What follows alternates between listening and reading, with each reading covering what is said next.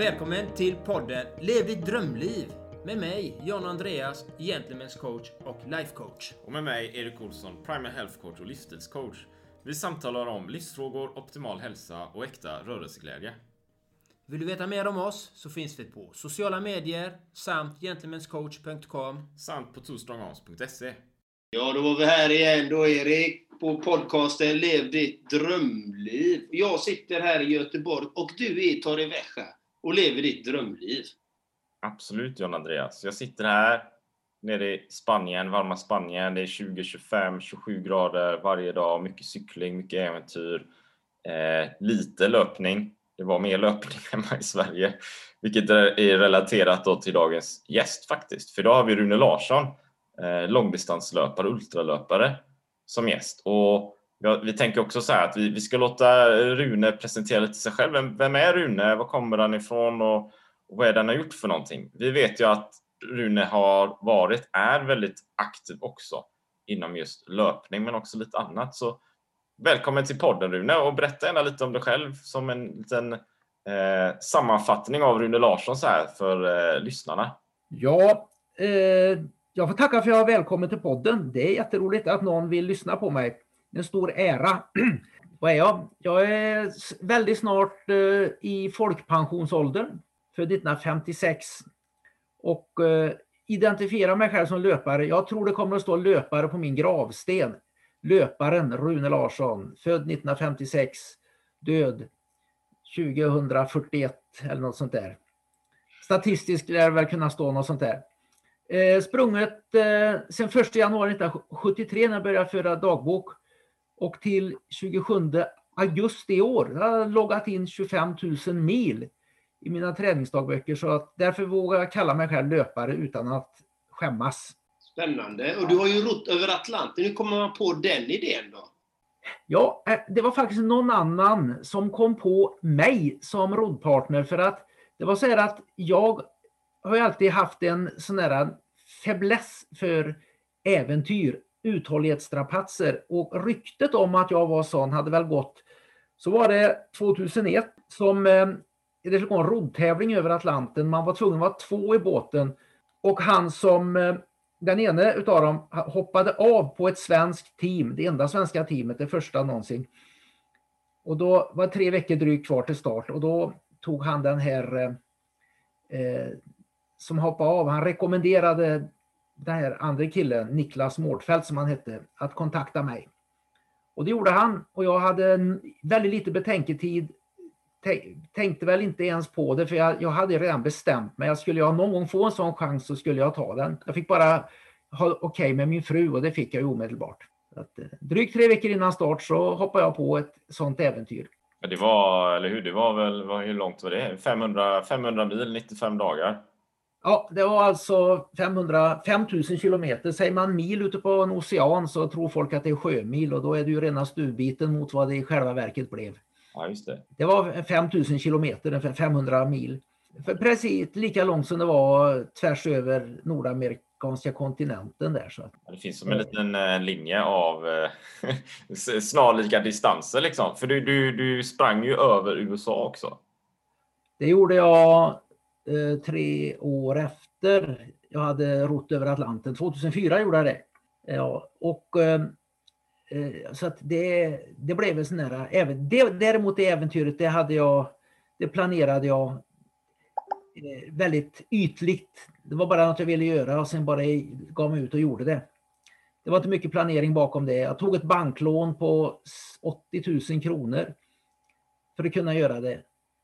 Så att det betalar tillbaka ganska snart efter det. Är det, är det, är det, är det 80 000 kronor det kostar? Eller hur, hur gjorde du den, den balansräkningen? Liksom? Är det för, för en USA? Det kan vara intressant för lyssnarna också, tänker jag, hur man ska budgetera för en, ett äventyr. Sådär. Jag tog till rätt rejält för att alla projekt tenderar att bli dyrare. Men mitt blev mycket billigare än vad jag hade tänkt. Med precis allting. Utrustning, mat och logi och såna grejer så gick det väl på en 60 000 kronor. Så jag fick en hel del kvar att amortera lånet med. Så att, och det var det värt. Varenda öre var det värt. Varför var det värt det då? Därför att det var ett sånt otroligt äventyr. Tänk dig att se en hel kontinent som den nordamerikanska från Stilla havet över bergskedjor, öknar, eh, ännu mera bergskedjor, Klippiga bergen, stora prärien då med alla dina majsåkrar och veteåkrar, och Appalacherna och ut till Atlanten och då har man ändå sprungit förbi en massa sådana här det är småstads-Amerika som du inte ser direkt i film. Ser du det i film någon gång så är det någon sån här redneck då som dricker hembränt och skjuter med hagelgevär och sånt där. Men jag fick ju se det strävsamma. Eh... Quality sleep is essential. That's why the Sleep Number smart bed is designed for your ever evolving sleep needs. Need a bed that's firmer or softer on either side? Helps you sleep at a comfortable temperature? Sleep Number smart beds let you individualize your comfort so you sleep better together. JD Power ranks Sleep Number number 1 in customer satisfaction with mattresses purchased in-store. And now, save 50% on the Sleep Number limited edition smart bed for a limited time. For JD Power 2023 award information, visit jdpower.com/awards. Only at a Sleep Number store or sleepnumber.com. Everyone knows therapy is great for solving problems, but getting therapy has its own problems too, like finding the right therapist, fitting into their schedule, and of course, the cost. Well, BetterHelp can solve those problems. It's totally online and built around your schedule. It's surprisingly affordable too. Connect with a credentialed therapist by phone, video, or online chat, all from the comfort of your home. Visit betterhelp.com to learn more and save 10% on your first month. That's BetterHelp H E L P.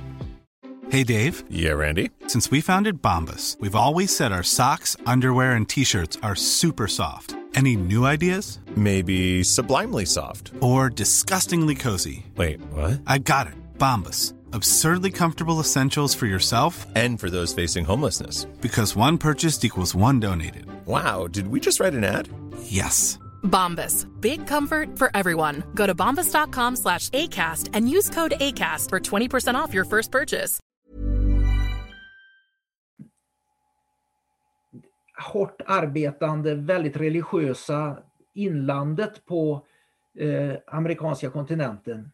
Det imponerar väldigt mycket på mig. Det är fantastiskt intressant. Hur, hur, var, hur, var, vad var det som, eller hur var människorna här inne då? Liksom inne i det här lite mer okända USA, kanske ute på landet så här. Hur, hur, hur var kulturen så, och bemötandet? Antingen sket de i mig fullständigt och gav mig inte en blick när jag kom och sprang med en eh, trehjulig löparbarnvagn och körde min, körde min utrustning i den. Eller så stannade de och sa “Quite the rig you got there mister” och så ville de prata lite. Men det var ju många gånger när jag var inne på eh, enkla restauranger där, jag åt ju inte på några Guide Michelin-krogar direkt, som eh, eh, jag inte behövde betala för att säga, ah, vad roligt, någon som springer över Amerika, det skulle jag vilja göra, det måste ju vara ett drömäventyr. Du behöver inte betala för den här maten och då backar jag om. vad härligt. Vad fint! Ja, det var väldigt trevligt. Jag, jag gjorde en grej av att bo så billigt som möjligt och äta så billigt som möjligt för att eh, få uppleva den där sidan av Amerika som inte borrar efter olja i Dallas och de där, du vet, de där serierna. Så att eh, eh, jag fick verkligen se Amerika. Och jag hade ju bott i San Diego i tre år när jag studerade på ett universitet i San Diego där. 1980 till 83 gjorde jag det. Och eh, då eh, frågade folk när jag kom hem, hur är det i Amerika? Och då tänkte, sa jag så här att det vet inte jag för jag har bara varit i södra Kalifornien. Och det är inte representativt för USA. Eh, det är en hel kontinent med helt ah, olika växtligheter, klimat och eh, kulturer faktiskt. Det finns en, en grundläggande amerikansk kultur eh, av strävsamhet och göra rätt för sig och allt sånt där som jag tycker väldigt mycket om. Men så fanns det då i inlandet lite mera, kunde vara mycket mera religiösa, de kunde vara eh, lite mer tystlåtna och sånt. Stötte även på det där amish-folket, de där som lever utan några moderniteter. Och eh, fick ju träffa på dem också lite grann, så det var ju fantastiskt. Hur var, hur var hur var, när du berättade att du var från Sverige och så här, vad, vad, vad sa de då? Vad hade de för tankar då? Sverige. Eh, jag brukar inte berätta från Sverige. Jag hade ingen svensk flagga och jag hade inte... Många som springer eller går över en kontinent, de gör ju en grej av det. De har ju till exempel en svensk, eller ja, svensk eller vad nu är de för land de är. Uh, coast to coast och såna här saker. Jag ville vara väldigt anonym när jag tog mig över Amerika. Eh, så att jag hade inga såna här flagg... Identifierade mig inte som svensk utåt. Och jag hade inte vad jag höll på med heller. Och försökte, gick väldigt in för att inte se ut som en råbarkad äventyrare som hade varit ute länge. Ungefär som Forrest Gump i filmen när han var ute och sprang. Han var ju vildvuxen. Eh, så att jag rakade mig varannan morgon. Eller så fort jag var på ett motell så rakade jag mig. Och jag eh, eh gick till och med till barberaren när jag kom till Pennsylvania där. För att inte vara för långhårig. Så att eh, se lite proper ut, uppskattas förmodligen ute på landsbygden. De är inte helt vana vid främlingar överallt där i jordbruksamerika, för jag sökte mig på de minsta vägar jag kunde hitta.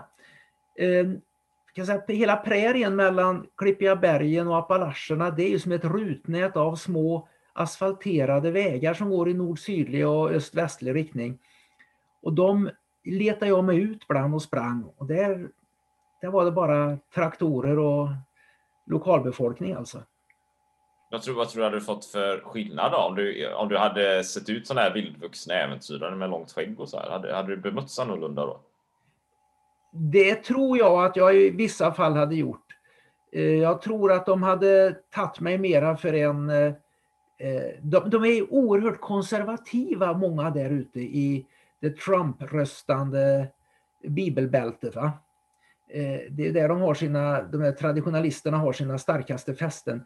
Och då kommer man då och ser ut som en hippie med skägg och orakad, ovårdad, lite rufsig i håret. Jag tror att de blir lite mera skeptiska. Kommer man däremot välfriserad och eh, bara min mustasch då, den är, den är helig, den, den, den får sitta kvar.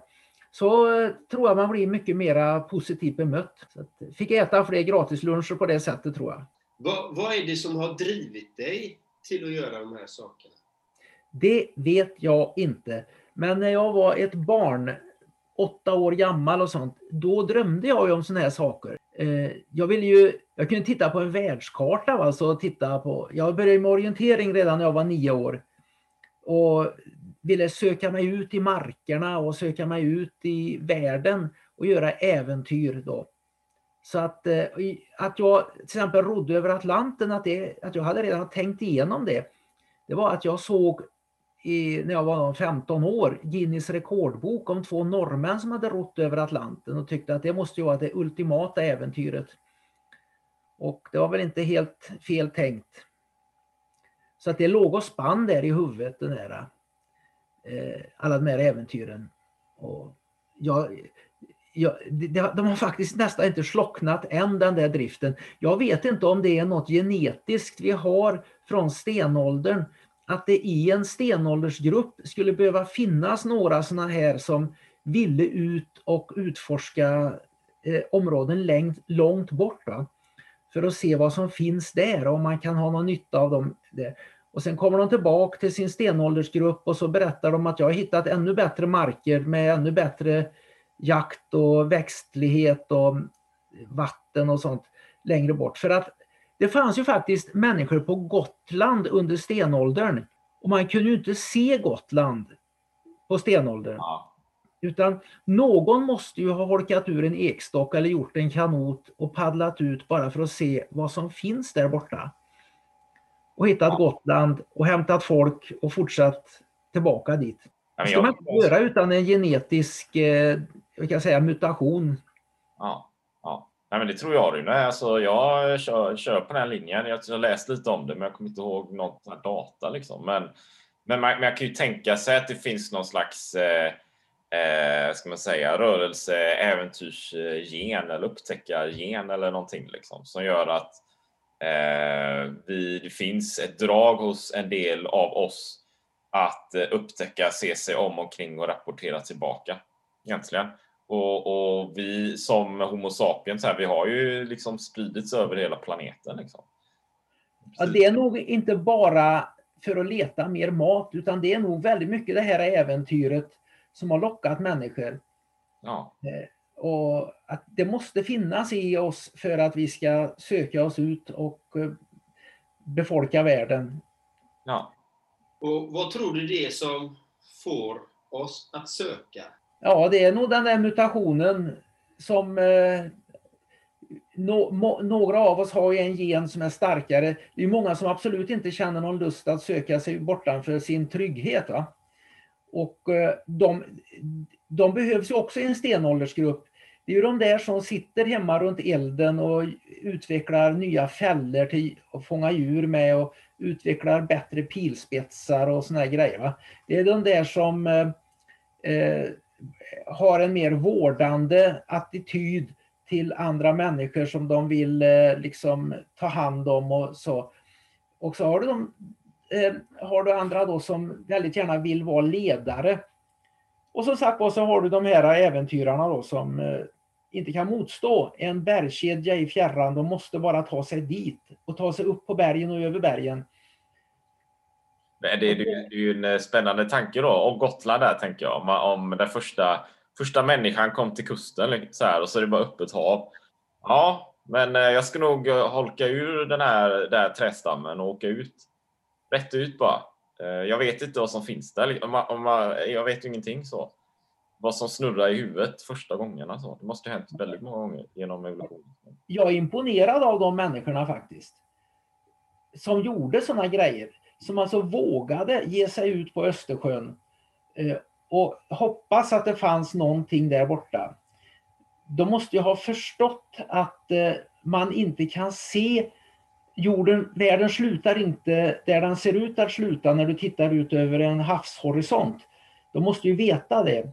Och de måste ju kanske ha sett det över eh, södra Östersjön och de har kommit därifrån eh, och veta det att eh, jag såg inte Sverige i början men sen såg jag Sverige och det kan vara likadant på andra sidan. Jag testar. Ja, precis. Det var säkert många som gick under också eller så blev de estländare. Man fortsatte till andra sidan. Det måste varit många som eh, bara försvann. Det fanns ju inga Ja. Folksam och IF-försäkring och olycksfallsförsäkringar och sånt. Som det finns idag. Ja, och sen kan det ju varit estländare som var först på Gotland. Ja. Eh, Jag, säger ju, jag, jag ser ju från en svensk horisont men Men det är Vad ju, har du lärt dig av de här äventyren? Jag hörde inte vad, vad sa du? Vad har du lärt dig av de här äventyren? Jag har fått den frågan och då har jag tänkt så här att vad sjutton ska jag svara på det? Jag vet faktiskt inte vad jag har lärt mig, men det är massor. Jag har framförallt lärt mig hur min kropp och säkert andra människors kroppar också fungerar över väldigt upprepad långvarig ansträngning, alltså månader i sträck. Det hade nytta av som ultradistanslöpare, fast det kom ju efter min karriär som ultradistanslöpare att jag gjorde de här riktigt långa äventyren. Men jag skulle gärna kunna eh, eh, köra föra över den kunskapen till andra. Och det har ju varit sådana här saker som hur otroligt pigg man blir när man håller på med sånt. Och det tror jag har att göra med att kroppen liksom dopar upp sig själv inifrån med någon form av stresshormoner.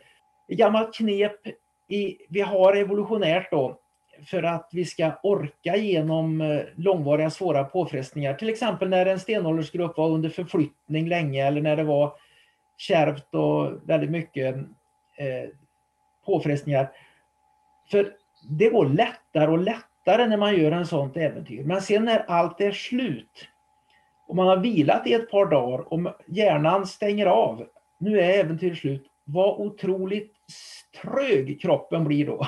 mm, Då orkar man knappt springa tre kilometer. Vet du. mm. Förut sprang man åtta mil, det var liksom på en dag, det var ingen match. Och sen sex mil nästa dag och så. Ja, men det känner jag igen. Jag vet, jag, vet, jag hade lite otur. Jag cyklade från Göteborg till Gibraltar för ett par år sedan. Ett, ett tag Ja. Eh, tre månader, blev i allt bättre form ju längre söderut jag kom. Så kom jag till Malaga, Gibraltar, är där. Och så toppform liksom, tre månader så här. Så sammanfaller ju det med det du berättar här då Rune, att, att efteråt blir man ju trött. Men dessutom så åt jag ju någonting dåligt. Jag tror åt en kebab eller någonting, så jag blev magsjuk.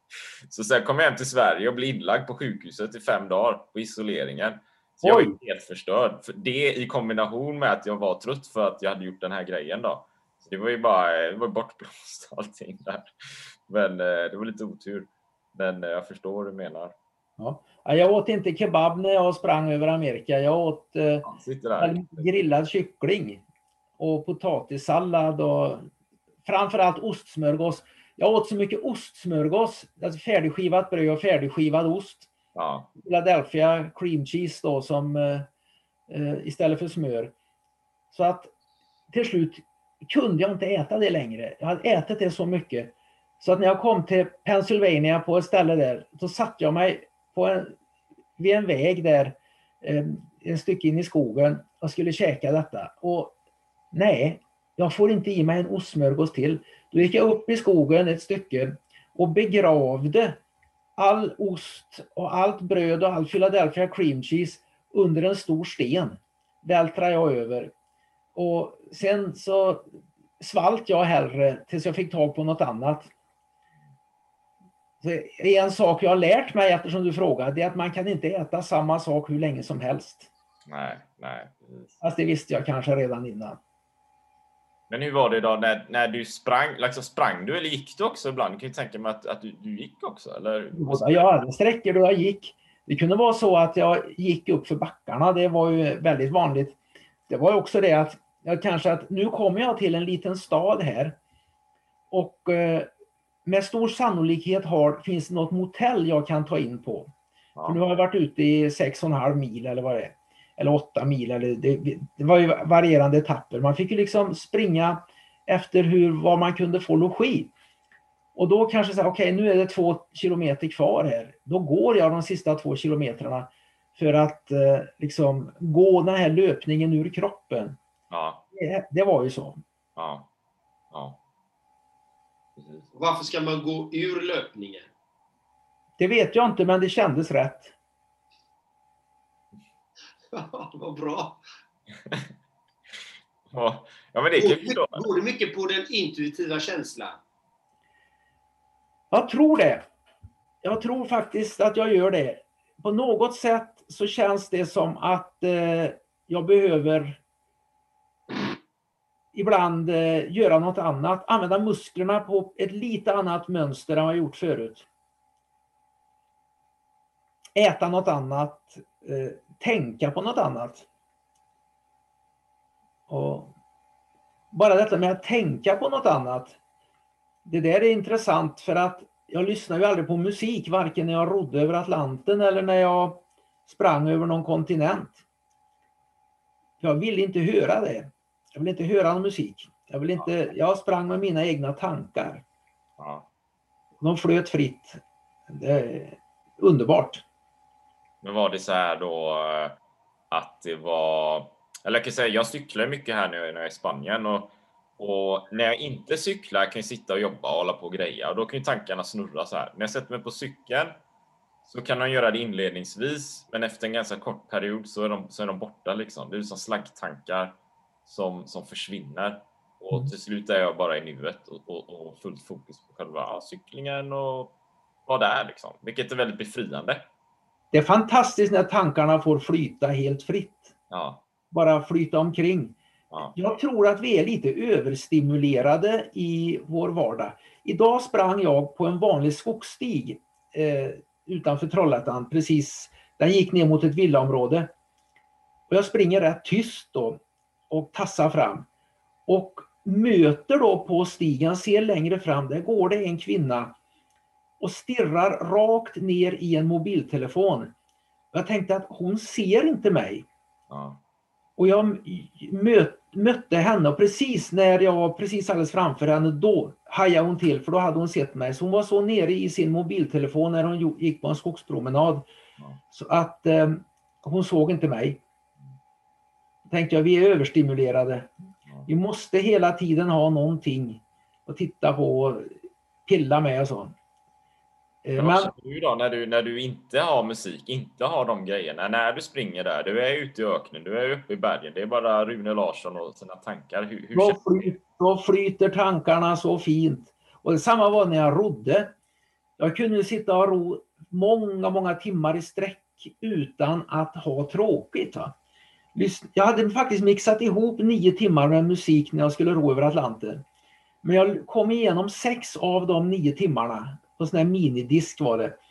Eh, men nej, jag vill inte höra mer musik. Det var mycket bättre att bara sitta där ute och tomtänka som jag sa. Tänkte, tankarna bara flöt fram och tillbaka och tänkte klart mina tankar. Och jag tror Beppe Wolgers, han har skrivit en, eh, ja, det är lite novell eller vad det är, som heter En kos dagbok.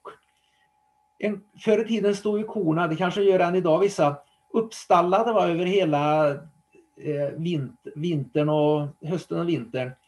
De bara stod där på samma fläck hela tiden och stod och tugga eller låg och idissla eller blev mjölkade. Det var, det var deras liv i fem månader om året. Och då skrev han en kos dagbok om vad hon tänkte på. Att hur hon for till New York och pratade med FN och fixade världsfreden och allt möjligt. Va? Ja. Nu får jag ju inte till det, men när man får tänka fritt och har hur mycket tid som helst, när tänkandet, känsla, att känna, när det upplevs, eh, det blir så det, blir, det är en överlevnadsfaktor alltså att man inte tråkar ihjäl sig själv. Jag, eh, allting jag såg, det kunde vara att jag såg en flygfisk hoppa eller hundra flygfiskar hoppa. Det var ju som hela stim som bara stack rätt ut ur havet och flög en 50 meter. Eller jagade av tonfisk eller något under där. Det var liksom wow, man såg stjärnfall på natten och man satt bara och tyckte det var vackert. Tror du att eh, det, här, det här flödet av tankar behöver vara i kombination med rörelse på något vis? Ungefär som att när du springer eller cyklar eller ror över Atlanten. Man är i rörelse så att, att, att det är nästan som att energin i kroppen går ut i armar och ben. För det är där vi behöver vara istället för att hålla på och tänka massa tankar. Behöver vi vara rörelsen för att kunna ha ett, ett skönt flöde i, i huvudet så? Om du hänger med vad jag menar? Jag hänger med. Det var en väldigt, väldigt intressant tanke. Den har jag inte tänkt. Ja, det, det verkar nästan så när du säger det.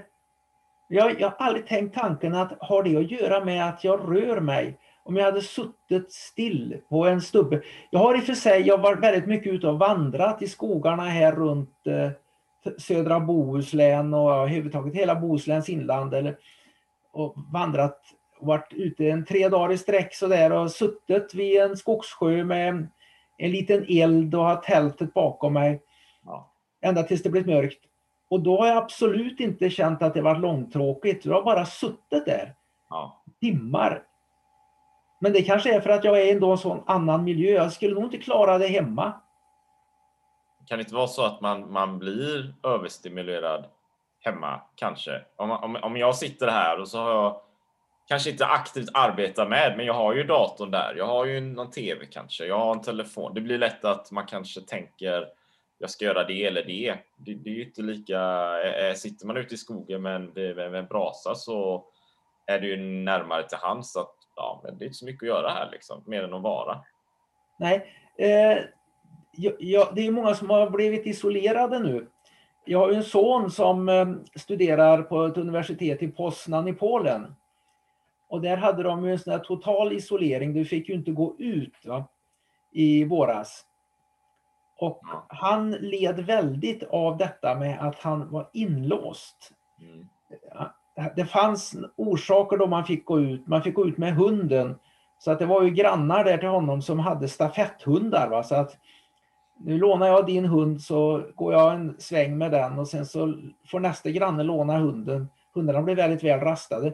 Men han, för honom var det en väldig påfrestning och för väldigt många andra också att vara hemma och eh, inte få gå ut.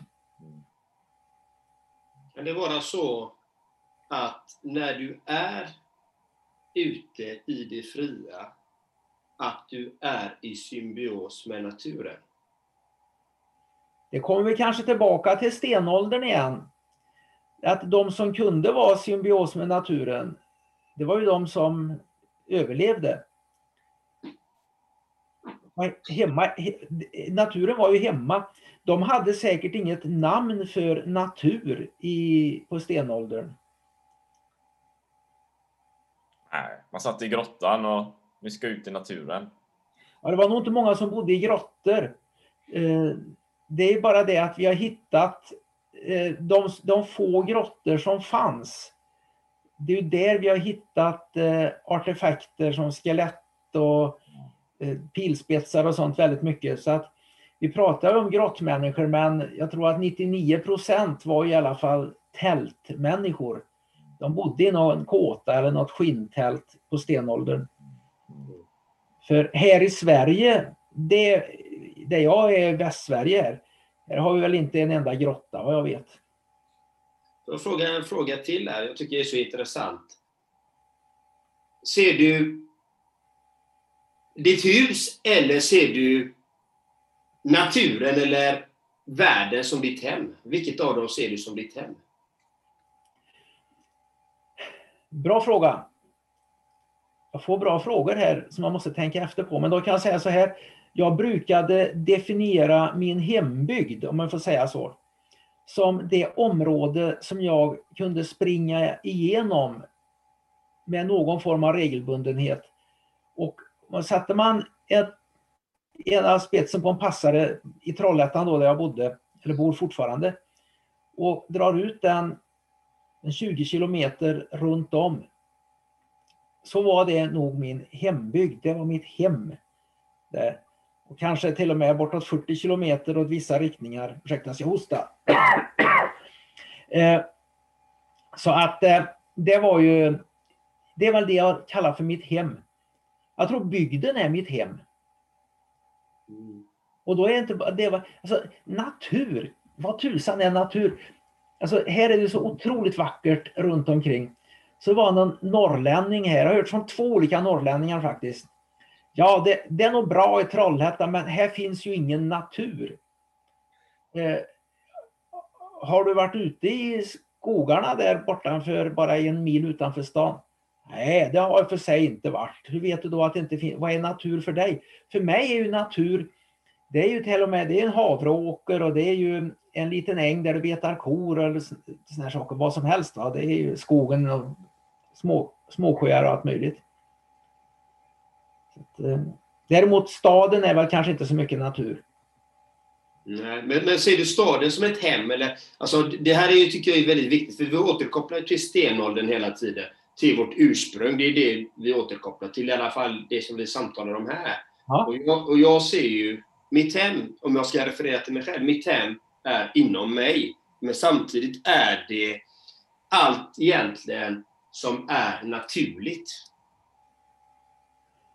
Det var filosofiskt sagt. Det kan jag inte argumentera emot.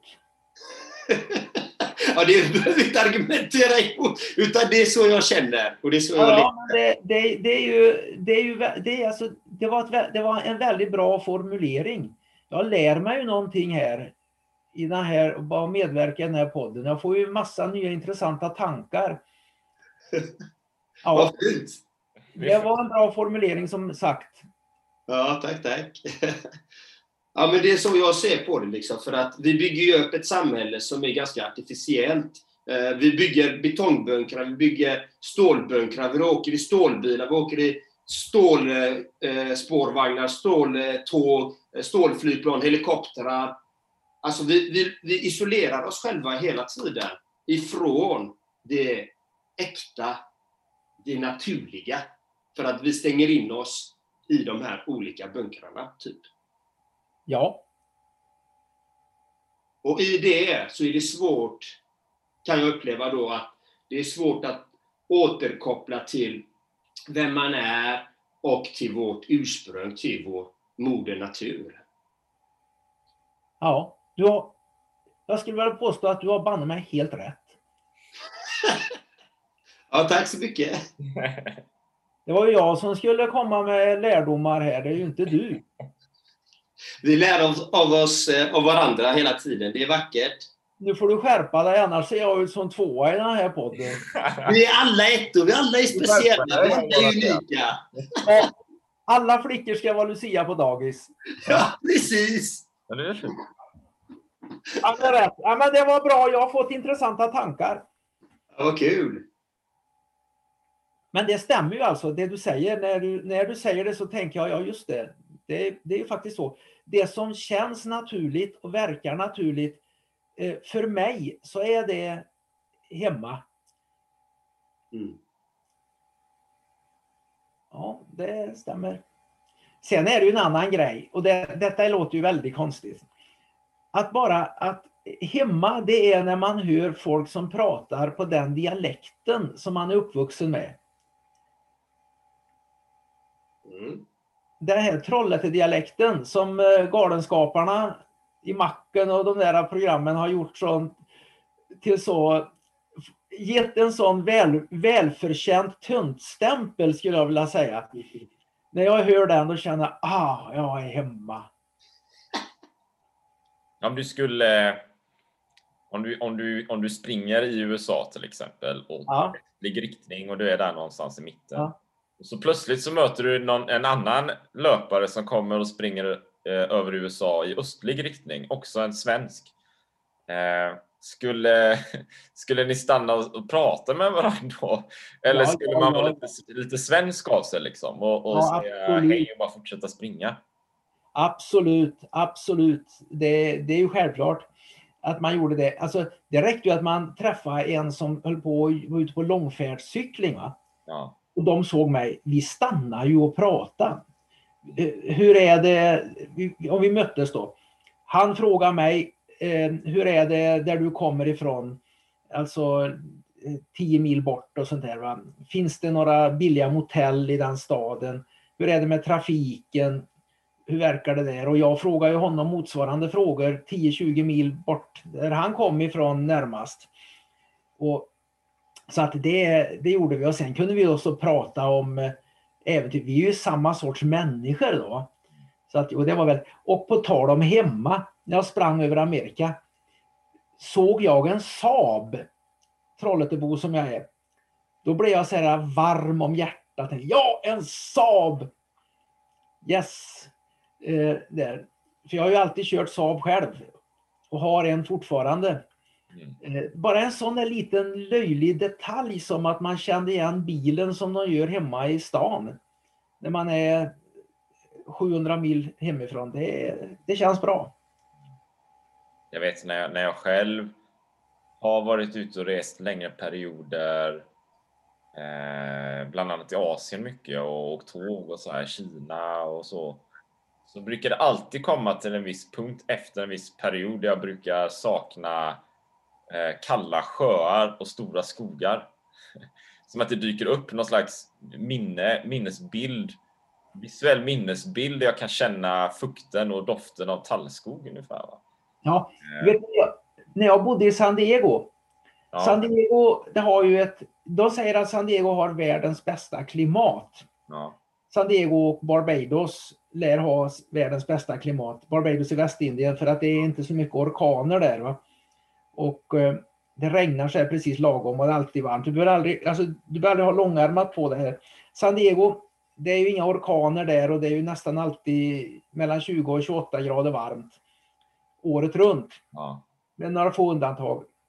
Och jag bodde då ett par mil ifrån kusten och så springer jag uppe på åsar och jag börjar sakna snö och vinter efter två, vin två vintrar där. Ja. Ja, snö, jag tänkte, vad fan. Och då såg jag på ett löppass snö uppe på bergen i fjärran.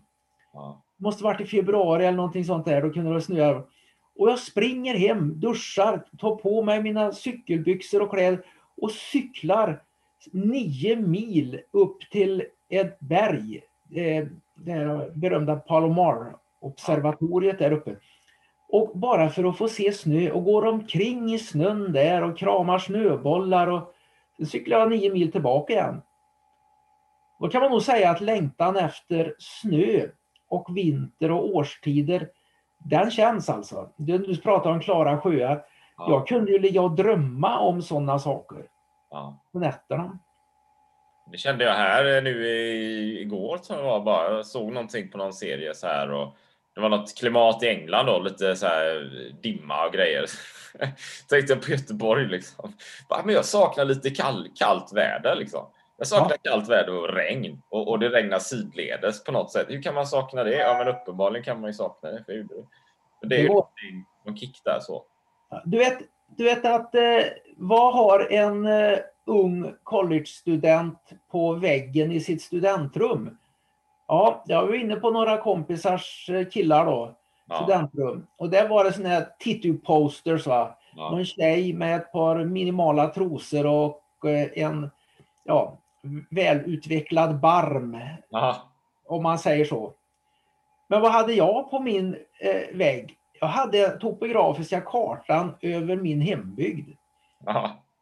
Det var inte, det var inte brist på hormoner kan, man, kan jag bedyra eh, som gjorde det. Utan det var mera det att det var ett uttryck för en, någonting jag ville se, återuppleva. Kände, det känns som att jag var hemma lite grann när jag såg eh, topografiska kartan 1 50 000 Ja. över min hembygd. This is Paige, the co-host of Giggly Squad, and I want to tell you about a company that I've been loving, Olive and June. Olive and June gives you everything that you need for a salon quality manicure in one box. And if you break it down, it really comes out to $2 a manicure, which is absolutely insane. It's also so easy to get salon worthy nails at home with Olive and June. The difference between how your nails used to look when you did them yourself and now with the Manny system is a complete game changer. The best thing about Olive and June too is it's a quick dry. Dries in about one minute, lasts for five days, and full coverage in up to one to two coats. Visit oliveandjune.com slash perfectmanny20 for 20% off your first system. That's oliveandjune.com slash perfectmanny20 for 20% off your first system. A lot can happen in the next three years. Like a chatbot may be your new best friend. But what won't change? Needing health insurance. United Healthcare Tri Term Medical Plans are available for these changing times. Underwritten by Golden Rule Insurance Company, they offer budget friendly, flexible coverage for people who are in between jobs or missed open enrollment. The plans last nearly three years in some states, with access to a nationwide network of doctors and hospitals. So, for whatever tomorrow brings, United Healthcare Tri Term Medical Plans may be for you. Learn more at uh1.com.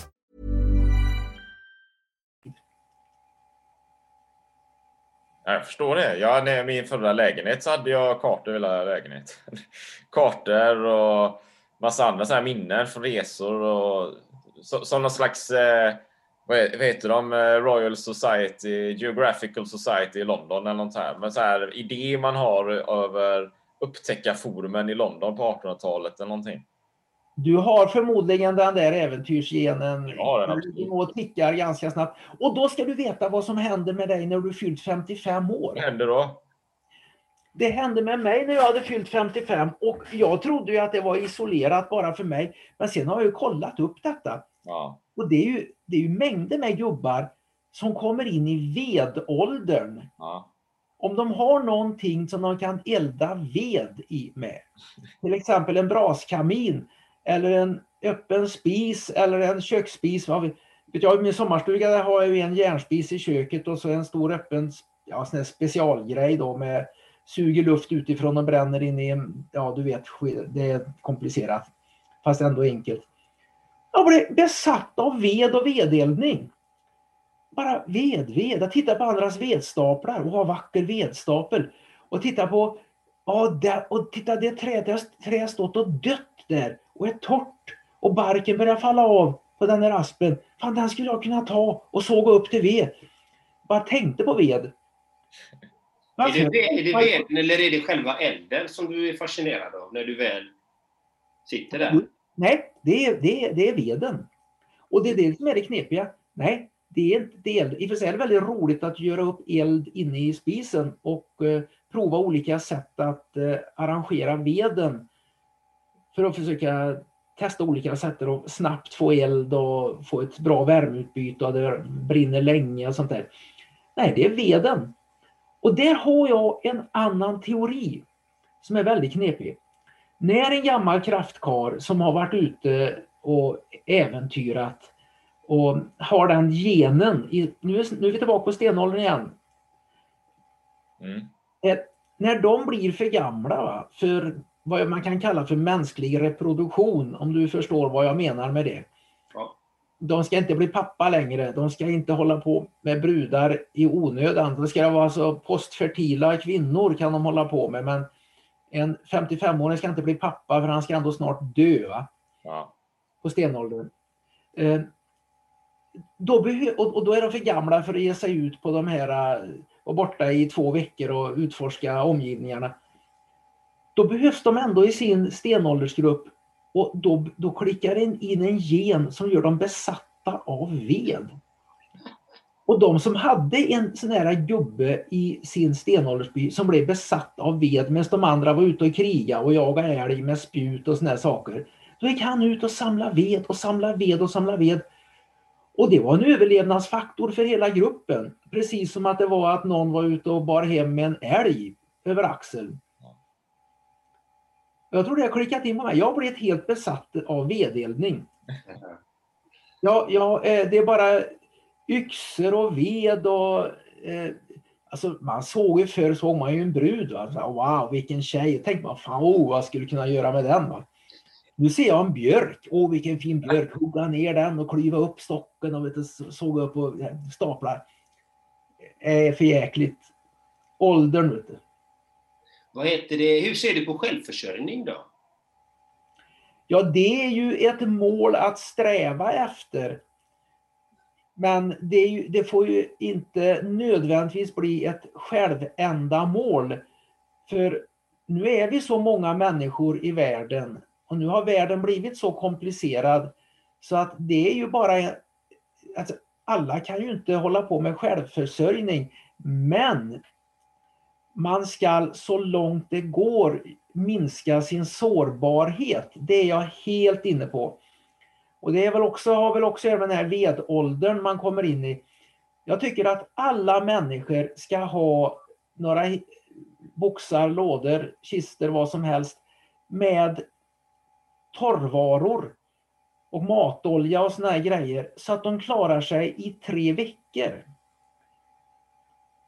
Och så ska man kunna bjuda grannarna på det. Så att skulle det bli så att vi helt plötsligt inte får tag på mat. Va? Eh, ja, efter tre dagar så kommer, sitter grannen där och har två barn som är sex och tio år. Pappa, vi är hungriga! Och sitter jag där och mumsar spaghetti där och har det bra. Va? Och det vet han att Rune där, han har spaghetti så det räcker i en månad. Och här sitter vi och svälter. Visa mig den pappa som inte går och rånar mig då.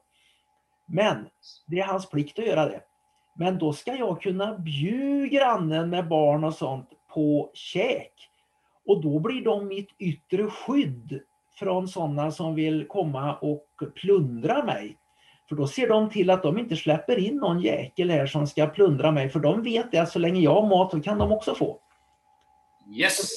Sen får de stå och skämmas där och tänka att varför, hur har vi kunnat skratta åt preppers och tycka att det var fascistoida idioter? Vad dumma vi måste ha varit. Eh, jag är ingen prepper alltså, men jag vill påstå det utan att avslöja för mycket att jag har torrvaror och grejer så jag skulle kunna klara mig ett tag. Och det såg vi ju nu när coronan slog till i våras. Va? Vad hamstrar folk? Skithuspapper! Ja, vad i helsike hamstrar de dasspapper för? När det är ju ris och spaghetti och buljongtärningar och matolja och, och såna saker de ska hamstra. Otroligt. Ja, det är otroligt. Och, nej, men jag, tänk, jag återkopplar ju hela tiden till eh, stenåldern, självförsörjning, eh, eh, vad heter det, torkat kött, torkad fisk, eh, rökt fisk, eh, rökt kött, eh, surade grönsaker, syrade grönsaker, lagrade saker eh, i självhushåll, vilket jag tycker är väldigt intressant.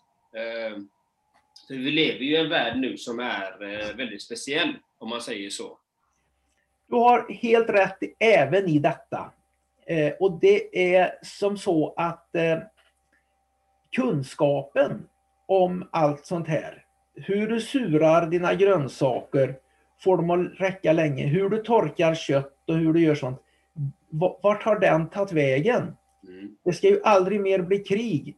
Det ska ju aldrig mer ske några katastrofer, för vi är så smarta i vår tid så att vi har byggt bort möjligheten att Krakatau i Indonesien, den väldiga vulkanen, ska göra ett nytt gigantiskt utbrott och förmörka himlen och vi får eh, tre somrar utan vin, eh, ut, ut, tre, vin, tre sommar som bara blir vinter. Va?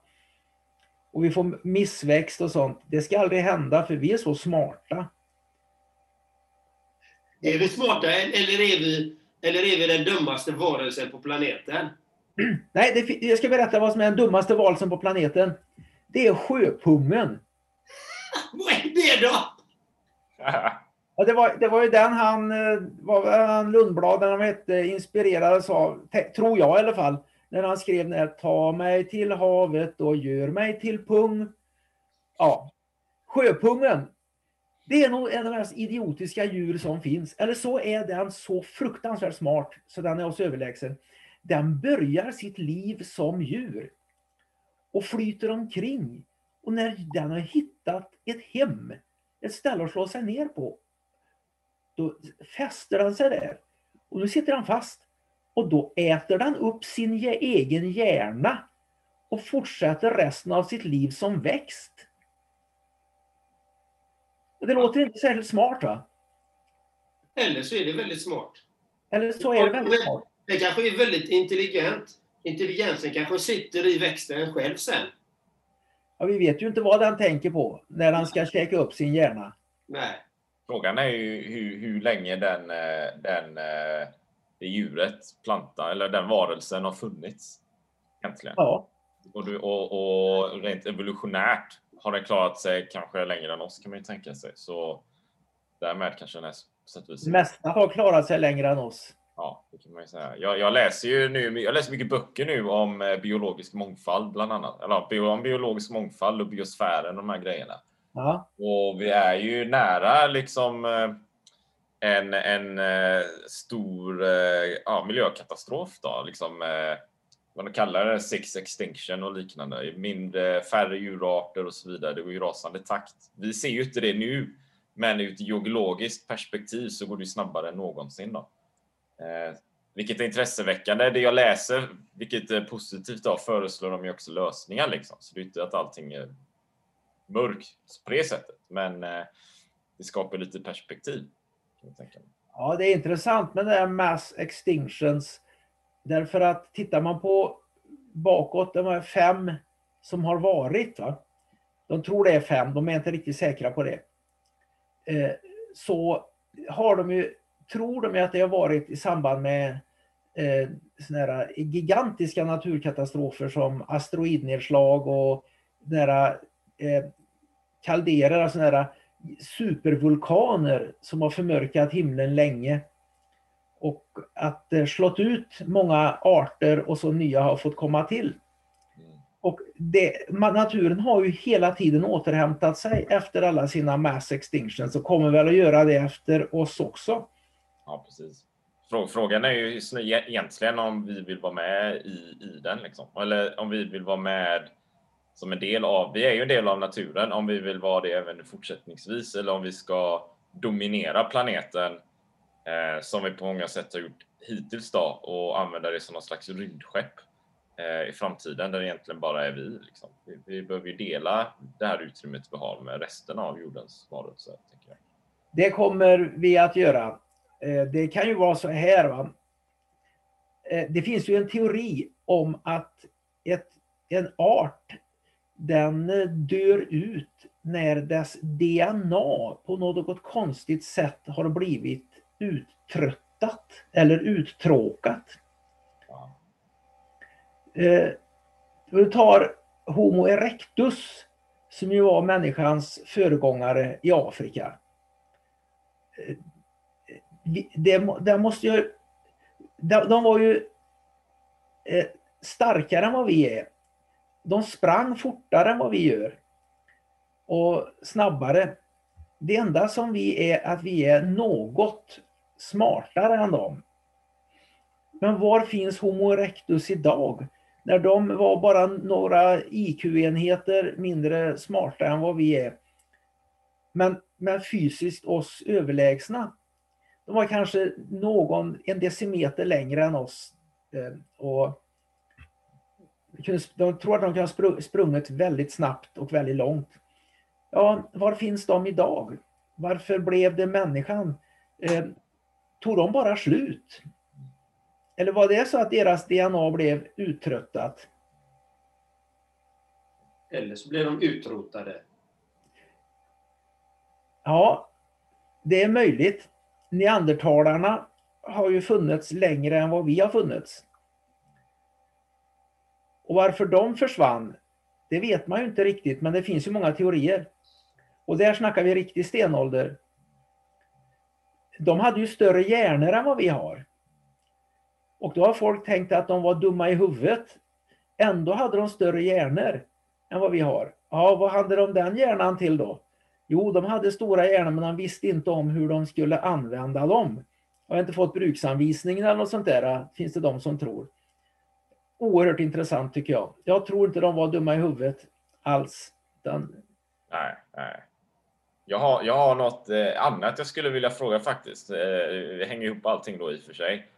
Ehm, innan vi börjar runda av då kanske också. Men, men, men med tanke på all, alla äventyr och träning och USA och, och eh, springa genom Europa också så där, har du haft eller har du så seriösa träningsscheman och seriösa träningsupplägg och du kör fantastiska intervallpass och liknande? Har du, något, har du haft sådana grejer också? Jag kan säga att jag inte kört ett riktigt intervallpass sedan november 1971 jag har klarat mig rätt bra ändå. Ja. Och det beror inte på att intervallträning är dåligt, även om väldigt många inte vet hur man ska bedriva den. Det verkar som de flesta inte har en aning om hur man ska använda intervallträning. De kör det året runt och det fungerar för vissa men eh, jag eh, har ju en egen podd. Jag var intervjuad Mats Eriksson, den gamle storlöparen som har sprungit 10 000 meter på 27.56 och som har vunnit Göteborgsvarvet fem gånger. Ja, under en period på året, uppbyggnadsperioden, då sprang han max en intervall i veckan, ett intervallpass, men inte mer. Eh, november, januari sådär va. Eh, nu ligger de och dammar intervaller tre gånger i veckan, många där, året runt. För det har blivit som en hyp kring det där. Eh, nej, jag har aldrig haft något, något träningsprogram, har jag aldrig följt. Men däremot har jag följt vissa grundprinciper. Med eh, vad är det bra att träna nu när jag har en viktig tävling om fem månader, om du förstår vad jag menar. Ja, ja. ja. Jag har en fråga också här, eh, Rune. Är du redo? Jajamän. Hur ser du på mål? Ja, mål är väldigt intressanta grejer. Det har vi ju med så mycket. Eh, och jag lärde mig av den fantastiska sprintern Peter Karlsson som jag tror fortfarande har svenska rekordet på 100 meter. Eh, där har ni en kille ni kan intervjua om ni inte redan har gjort det. För han är också väldigt filosofiskt verbal. Jag skrev en artikel om honom i tidningen Runners World för ett antal år sedan. Imponerande människa. Det var han som lärde mig definiera mål. Han sa att ett mål, det är något du vill, något du tror på och något du sen verkligen kommer att göra, betala priset för. Och det är mål. Och du ska vilja, annars är det tvång, sa han. Om du inte tror på det är en dröm, om du inte verkligen tänker göra det, vad det kostar, för mål kostar, då är det snack. Ja. Och det här är väldigt intressant, för det är så intressant. Jag älskar de här frågorna, för det här är roligt. Och jag brukar ju säga så här till mina klienter.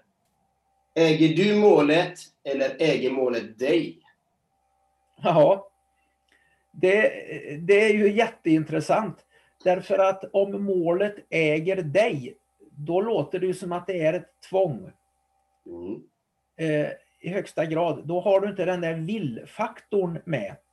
Det går att göra saker under tvång. till exempel, fast man kanske inte riktigt tycker att det är det roligaste man vet. Till exempel frågar du en kvinna som har fött barn. Eh, hon upptäckte att hon var gravid. Ja, nu, nu, nu får det bli ett mål att föda det här barnet. Och det är inget snack om saken. Eh, föda barn, det målet äg, äger henne.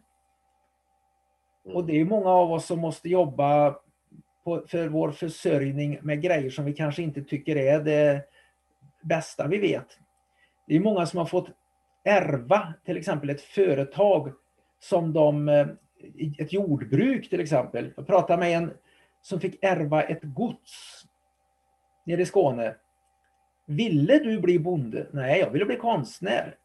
Varför blev du bonde då? Ja, det blev som ett arv jag var tvungen att eh, förvalta. Målet att förvalta ett jordbruk, det var inte, det ägde honom. Det påverkade hans liv. Det gjorde att han, hans liv fick en annan inriktning än det han egentligen ville att det skulle ta. Han hade en fantastisk talang för konst och måleri. Men den kunde han inte förverkliga när han var tvungen att sköta jordbruk på åtskilliga hundra hektar, både jord och skog. Mm, det, det, är väldigt intressant, för det, det är det många upplever är att målet äger dem, oavsett vad det är för mål. Och då blir det som du säger, det blir ett måste.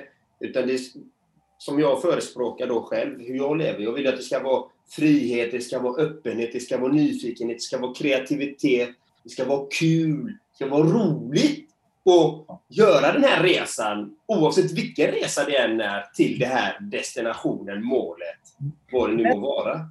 Där har du faktorn vill. Ja. Som är så viktig. Någonting du vill göra.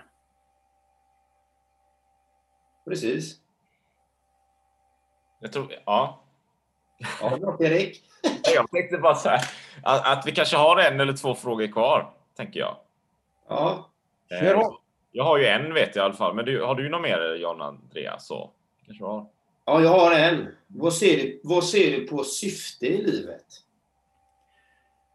Det tänkte jag på när jag satt ute på Atlanten och rodde. Och tittade på nätterna. Och man rodde ju både natt och dag. Nätterna var helt underbara att ro. Man tittade uppe på stjärnhimmel när man hade varit ute och sett detta. Då tänkte jag, varför finns allt detta? Ja, det är för att vi ska betrakta det. Hela detta enorma universum hade funnits helt i onödan om ingen tittade på det. Om ingen betraktade och förundrades över det och beundrade det som jag gjorde när jag satt ute på Atlanten och gör, liksom, har gjort hur mycket som helst även när jag varit på torra land. Så att syftet, ja, det är att eh, betrakta, beundra och eh, älska det man ser, gör. Fint! Vi är på samma spår! och sen en annan grej, att, att skapa möjligheter för andra att fortsätta att betrakta detta fantastiska när jag är borta. Och i det kommer ju också ett ansvar, ett förvaltaransvar som eh, eh, handlar om att, eh, vad man ska lämna efter sig. Va? Mm. Mycket fint. Mycket fint. För vi har ansvar för oss själva och för det som vi lämnar efter oss. Och det behöver inte vara att det ska vara ren luft och rent vatten och såna här saker och mindre koldioxid och allt sånt där naturligtvis. Men det kan vara något så enkelt som att du lämnar efter dig kunskap till nästa generation. Eh, det kan vara att du lämnar efter dig eh, till nästa generation en, eh, ett bra psyke. Om du beter dig som en idiot mot dina barn så att de får eh, psykiska besvär sen för att de såg dig supa och slå mamma och såna här saker. Då har du inte lämnat efter dig något bra till dem, du har lämnat efter dig något dåligt till dem.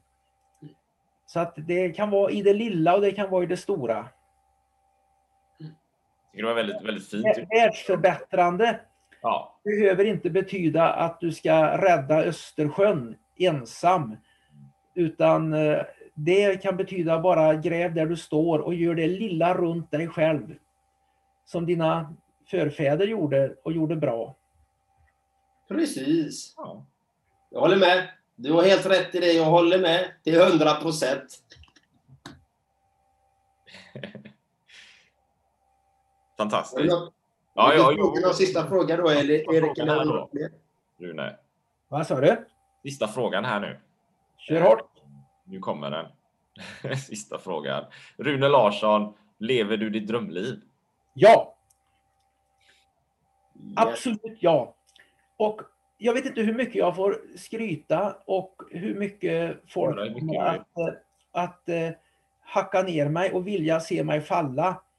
Men jag tänkte efter att eh, om jag var 10 år, 12 år, 15 år och så hade jag sett en person som hade gjort de grejerna som jag har gjort. Då, och eh, eh, levt som jag lever. Och nu ska du få höra det värsta skryt en människa någonsin kan säga. Då hade han varit min stora idol i livet. Och att, att leva ett sånt liv så att man kan se att jag, jag är ju 64 år nu, att 14-årige Rune eh, och, som hade sett mig, då hade, då hade jag varit 14-årige Runes idol. Ja.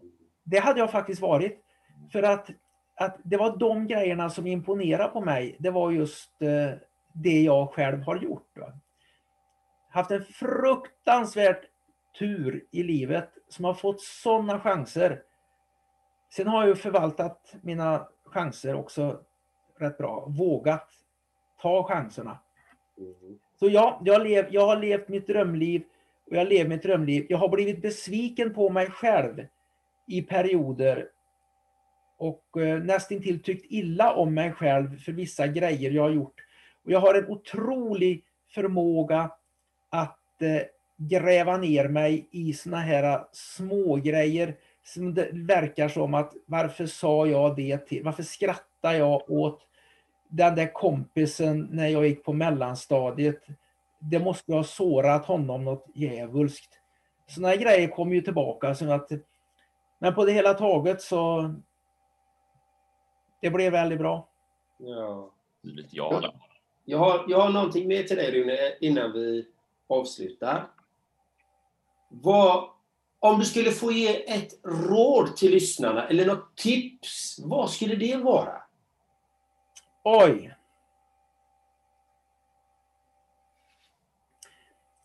Jag kan ge råd om löpning hur bra som helst.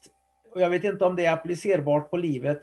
Och det rådet om löpning, det kanske det kan appliceras på allt. Och det är att löpningen ska vara så rolig som möjligt. Och att eh, man ska göra det tillräckligt eh, långsamt och tillräckligt lite. För man ska längta till att få göra det imorgon också. Och jag tror det gäller till och med på en kärleksrelation. Att eh, man ska göra den så rolig som möjligt. Det ska vara så, och, det ska gå åt två håll. Det ska vara så roligt som möjligt för min partner att vara gift eller vara ihop med mig. Och man ska inte överexploatera eh, någonting, några förmågor. Man ska inte arbeta ihjäl sig i onödan. Man kan arbeta fruktansvärt hårt i perioder, det är en sak. Men man ska inte arbeta ihjäl sig i onödan. Eh, jag har alltid arbetat, jag har under min aktiva löparkarriär två jobb. Så det är inte det att jag försöker få folk att lägga sig på sofflocket och leva som hippies och bara förverkliga sig själva. Men man ska se till så att man vill göra det imorgon också. Se till så att du vill leva imorgon också. Det är nog min, mitt råd. Tack Rune. Tack. Tack. Och, och därmed så har vi fått ganska mycket, eller vi har fått väldigt mycket värde ska jag säga. Och, och som man, om man lyssnare, om som lyssnare vill höra mer om Rune så kan man titta på, ja, vad tittar man Rune? Du har en hemsida förstår jag. Ja, jag har en hemsida. Jag, i, mitt militära eh, namn var ju Löpar-Larsson. Vi var ju tre Larsson på plutonen. Det var en som var från Halmstad. Gissa vad han fick heta? Halmstad-Larsson. Det var en som inte kunde simma när vi ryckte in. Han fick heta Simmar-Larsson. Och så var det jag som sprang, vid Löpar-Larsson. Ja. Och mitt, min hemsida heter loparlarsson.se. Löparlarsson.se. Och mitt aktiebolag jag har är Löparlarsson. Eh, är Löparlarsson AB. Så att eh, där, där hittar man. Sen har jag ju med Runes löparpodd. Där jag då intervjuar väldigt mycket gamla idrottsprofiler som håller på att bli bortglömda men som vi kan lära oss mycket av. Så jag berättade just det att jag var ju igår i eh, och intervjuade den gamle mästerlöparen Mats Eriksson som har vunnit på 80-talet vann han ju Göteborgsvarvet fem gånger och så. Det finns ju ingen svensk eh, löpare som är lika bra idag som han var för 35 år sedan. Mm. Kan vi lära oss något av sådana gubbar? Kan lära oss av alla. Det tror jag. Det kan vi. Jag lärde mig ju någonting av att medverka i den här podden. Jag fick ju nya tankar. va? Ja. Och eh, jag kan ju också erkänna att någon annan kan ge mig nya insikter i livet och styra in mina tankar på delvis eh, skruva dem en grad åt ett håll. Det är också en lärdom i livet. Var öppen för att göra det. Mm. Öppenhet. Så. Därmed eh, rundar vi av då. Ja, vi tackar alla lyssnare där ute att ni har lyssnat och tålmodigt och hoppas att ni har fått mycket värde här idag. Så vi önskar er en fantastisk, magisk, underbar dag. Hej! Hej, ha en fantastisk dag. Ha det bra. Hej från mig också.